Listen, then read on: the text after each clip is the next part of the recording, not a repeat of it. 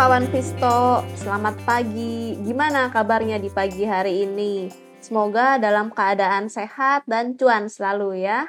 Nah, kembali lagi bersama saya Ceril Tanuwijaya dari tim riset investasiku. Seperti biasa, rutinitas kita di pagi hari, kita akan review bagaimana pergerakan bursa saham di hari kemarin, proyeksi IHSG untuk hari ini, Lalu kita akan bahas saham-saham yang menarik. Lalu um, sebelumnya teman-teman kalau mau ikut partisipasi dalam Instagram Live hari ini, teman-teman bisa komentar di chat Instagram Live kali ini uh, untuk mengirimkan pertanyaan-pertanyaan yang teman-teman sekiranya punya saham yang mau diincar atau yang sudah dimiliki. Nah, teman-teman, kita akan mulai dengan mereview pergerakan bursa saham global di hari kemarin. Oke, jadi kita lihat mayoritas bursa saham global ini kompak nih meng menguat ya. Kecuali sebagian dari Asia eh, seperti Thailand, seperti eh, Taiwan, Hong Kong dan Jepang ini yang melemah tipis. Tapi dari China, Amerika, Eropa, termasuk Indonesia juga kemarin ini masih lanjut menguat kayak gitu. Jadi sentimennya sih sejauh ini masih positif ya. Lalu kalau kita lihat um, untuk hari ini juga sentimen positifnya diperkirakan masih berlanjut ya. Jadi kita lihat uh, IHSG masih ada ruang untuk penguatan untuk hari ini, meskipun penguatannya um, akan terlalu signifikan ya. Kita lihat um, area resisten 7000 itu masih belum bisa tercapai nampaknya untuk hari ini. Jadi sentimennya ada apa aja sih ya teman-teman di bursa saham. Jadi um, kalau kemarin kita lihat uh, dari bursa Amerika nih Dow Jones, S&P, Nasdaq ini menguat ya. Tapi indeks yang menguat paling signifikan itu indeks Nasdaq, indeks teknologi. Ini di Amerika nih menguat um, sampai 1,14 persen ya dalam satu hari. Jadi ini juga karena dari antusiasme, euforia pelaku pasar karena terlalu excited ya menantikan uh, Apple event di mana hari ini waktu Amerika kan ada rilis iPhone 15 nih. Mungkin teman-teman juga udah menantikan juga ya. Nah, dari situ um, saham Apple, saham teknologi terkait seperti produsen chip ini juga ikut menguat ya sehingga indeks Nasdaq, indeks teknologi juga menguat. Lalu selain soal Apple, kemarin ini juga ada saham Tesla yang dalam satu hari menguat 10% setelah uh, Morgan Stanley ya. Ini merevisi jadi buy, merekomendasikan beli nih maksudnya untuk saham Tesla dengan mempertimbangkan um, strategi Tesla yang sudah memangkas um, harga jualnya sehingga untuk memacu penjualannya lebih baik kayak gitu. Kita tahu bobotnya saham Tesla ini juga besar ya untuk indeks Nasdaq kayak gitu. Nah, selebihnya teman-teman dari bursa Amerika, Asia dan Eropa sih masih menantikan nih di pekan ini ada data inflasi konsumen, produsen dari Amerika. Lalu juga kalau dari Eropa minggu ini justru minggu yang lumayan sibuk. Kenapa? Soalnya beberapa bank sentral dari Eropa nih akan e, berpidato mengumumkan soal kebijakan suku bunganya seperti apa kayak gitu. Sekarang masih jadi pro kontra nih kalau di Eropa. Apakah di pekan ini ada kenaikan suku bunga lagi atau enggak? Mengingat di Eropa inflasinya tuh masih tinggi nih teman-teman, nggak seperti di Amerika maupun di Asia kayak kita gitu. Lalu kalau dari minggu depan kan ada FOMC Amerika ya, FOMC-nya The Fed. Ini probabilitas semakin mendekati 100%, artinya market nih makin yakin ya kalau FOMC atau The Fed nih uh, di bulan ini tidak akan kenaikan suku bunga lagi kayak gitu. Nah, kita juga ada berita dari komoditas ya, teman-teman. Di mana kalau semalam komoditas minyak sempat menguat sampai ke 88 ya. Tapi pagi ini lumayan melempem ya. Pagi ini harga minyak uh, mentah Tapi kalau harga emas justru lagi menggeliat nih menjelang rilis data inflasi Amerika kayak gitu ya. Um, ini harga emas jadi berbalik arah sama DXY atau dolar indeks yang bergerak konsolidasi melemah gitu ya.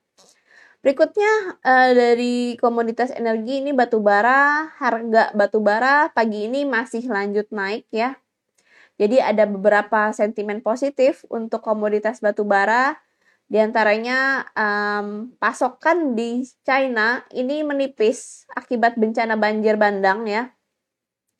Lalu India juga lagi ada badai ya. Jadi um, permintaan terhadap batu bara berpotensi meningkat. Lalu harga gas alam di Eropa ini juga ikut meningkat. Jadi uh, tiga sentimen ini masih bagus ya untuk mendukung harga komoditas batubara. Mungkin teman-teman bisa cermati juga saham-saham batubara untuk trading hari ini ya. Oke, nah kita masuk ke sentimen domestik teman-teman. Kemarin IHSG menguat 0,56 persen ya. Uh, kita lihat investor asing juga melakukan aksi net buy yang lumayan signifikan ya teman-teman sebesar 800 891 miliar rupiah ya di seluruh pasar bursa efek Indonesia.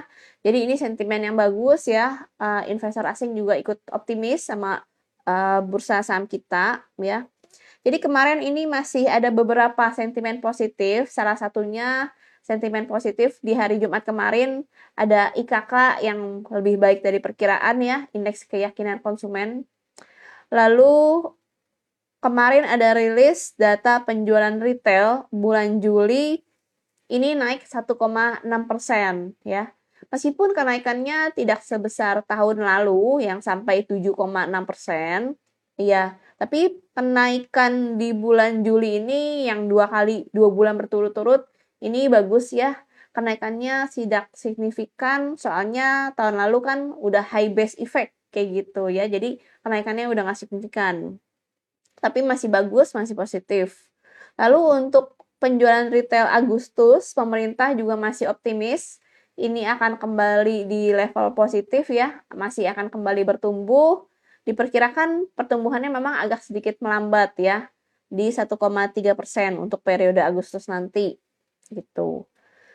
Oke, teman-teman yang penasaran, investor asing kemarin um, paling banyak borong saham apa aja? Jadi ada lima saham ya, yaitu Am Aman, Aman Mineral, lalu Bukalapak, Telkom, Bank BRI, dan BRMS ya. Nah, untuk hari ini teman-teman, IHSG-nya sih kita proyeksikan akan lanjut menguat ya. Kita lihat secara tren ini jangka menengah ini IHSG udah trennya uptrend, udah bagus ya.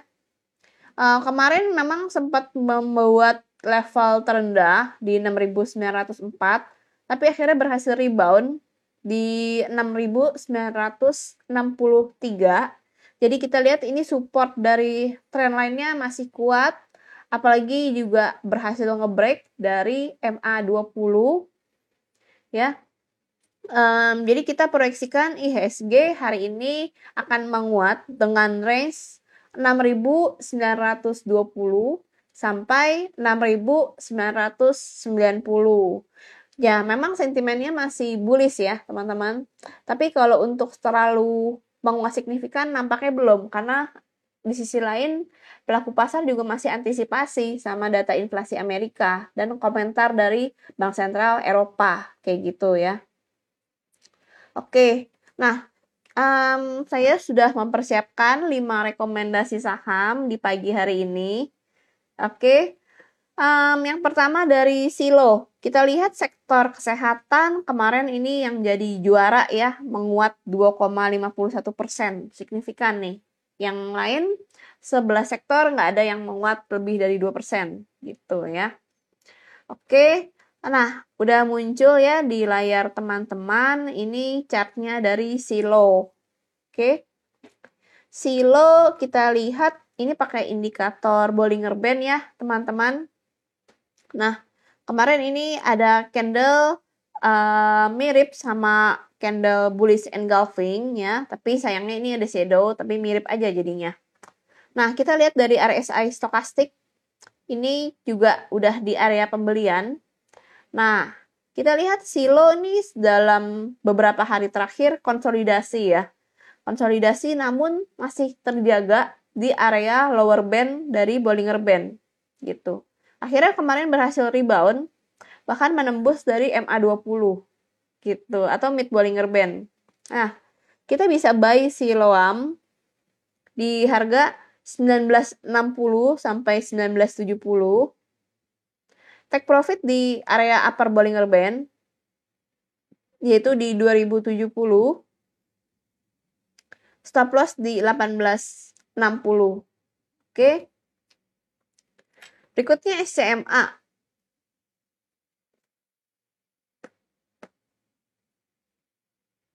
Nah, SCMA ini menarik teman-teman.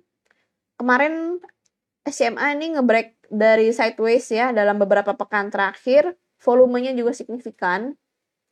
Lalu kita lihat pakai indikator Bollinger Band ya. Ini bisa jadi tanda dari awal penguatan gitu. Di mana um, SCMA ini berhasil ngebreak dari upper Bollinger Band yang kita perkirakan ini bandnya, garis Bollinger Bandnya ini akan semakin melebar. Artinya um, harga SCMA masih akan lanjut menguat terus, kayak gitu ya. Kita bisa buy di harga 158 sampai 156 area supportnya ya, support upper Bollinger Band. Take profit di 165 stop lossnya di 150. Itu rekomendasi yang kedua ya. Yang ketiga, kita ada INTP. INTP ini juga berhasil break sideways dalam dua minggu ya teman-teman. Uh, ini disupport sama dua garis MA, MA5, MA20 ya. Ini juga rebound dari lower Bollinger Band ya. Stokastik mendukung untuk pembelian. Buy INTP di harga 10.950 sampai 11.000. Take profit di 11.400 upper Bollinger Band. Stop loss di 10.800.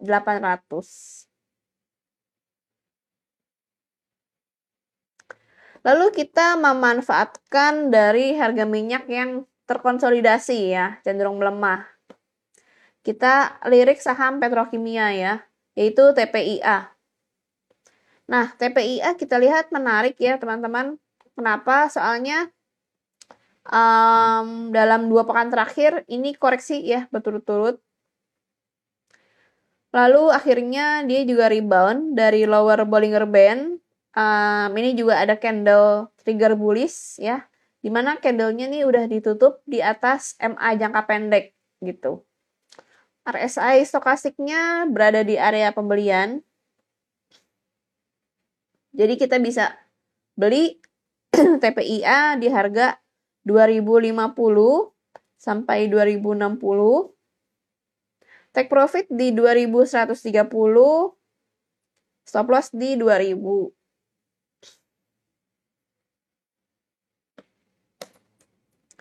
Lalu ada Bank BRI ya, teman-teman. Nah, Bank BRI ini memang sempat berada di area lower Bollinger Band ya. Di lower Bollinger Band, tapi um, akhirnya berhasil closing di atas uh, garis Bollinger Band ya. Lalu kita lihat um, dari RSI stokastik ini juga sudah hampir jenuh jual ya. Jadi uh, kita bisa buy bank BRI di area support di 5350 sampai 5400 take profit di mid Bollinger Band di 5600 stop loss di 5300 ya untuk bank BRI Oke, nah mungkin dari teman-teman apakah udah ada pertanyaan Belum ada. Oke. Nah, kebetulan teman-teman kita juga udah mempersiapkan beberapa berita emiten untuk hari ini ya. Nah, jadi kita ada berita dari Inco ya. Atau Vale Indonesia Tbk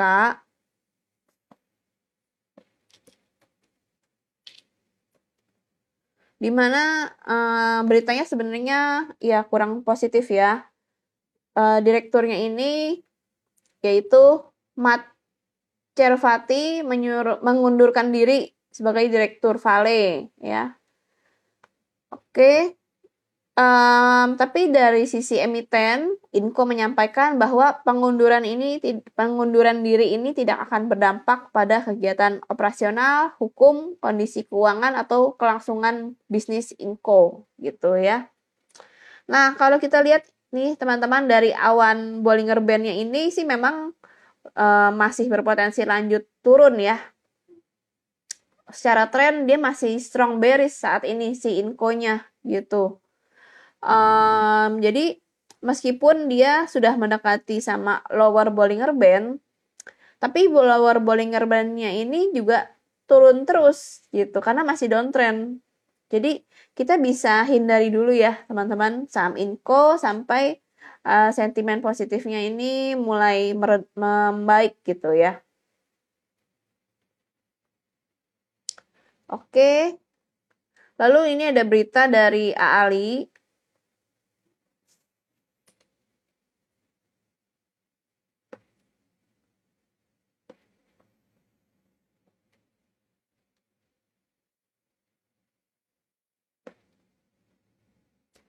Oke.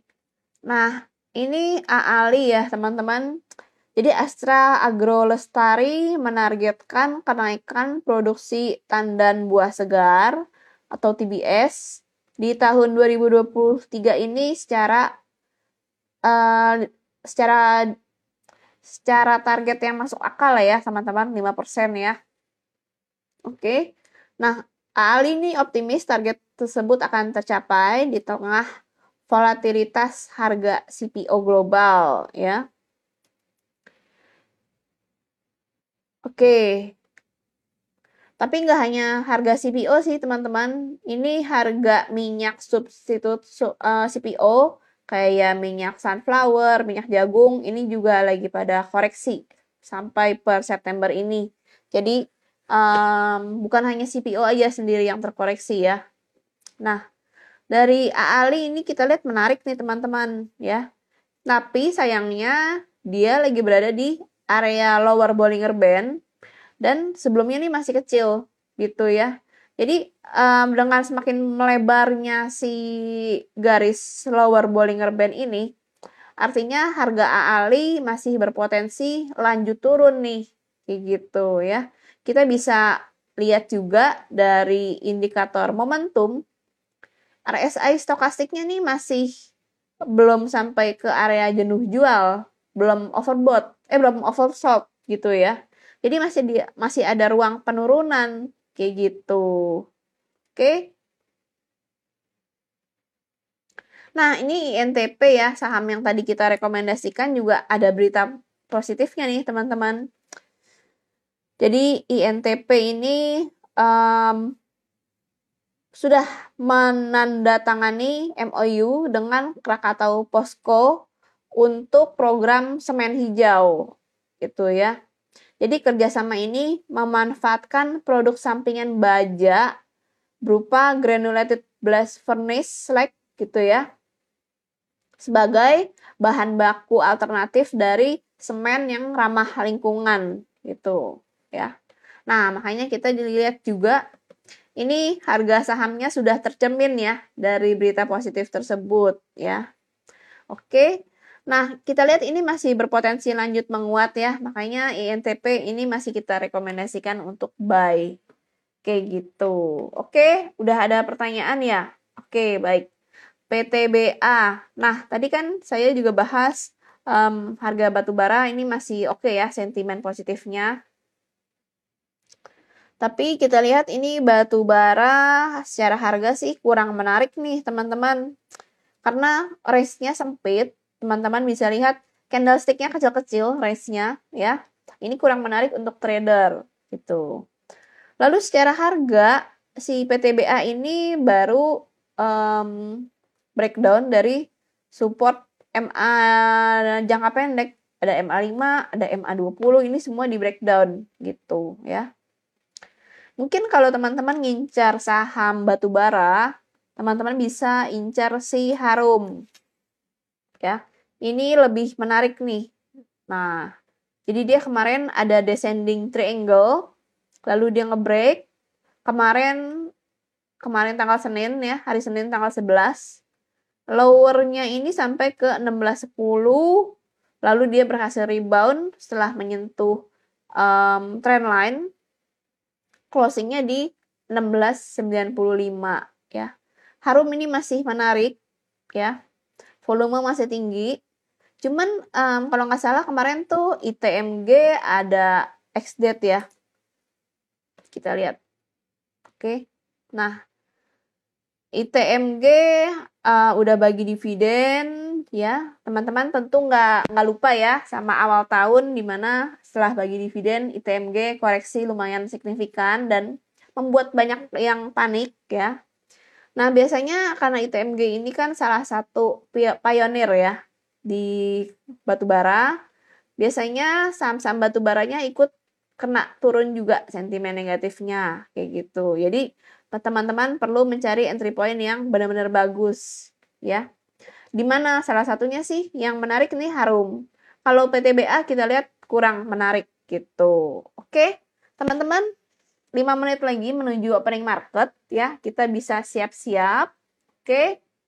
Terima kasih untuk partisipasi teman-teman di IG Live pagi hari ini. Kita ketemu lagi di waktu dan tempat yang sama besok. Oke. Semoga teman-teman cuan dan sehat selalu ya. See you.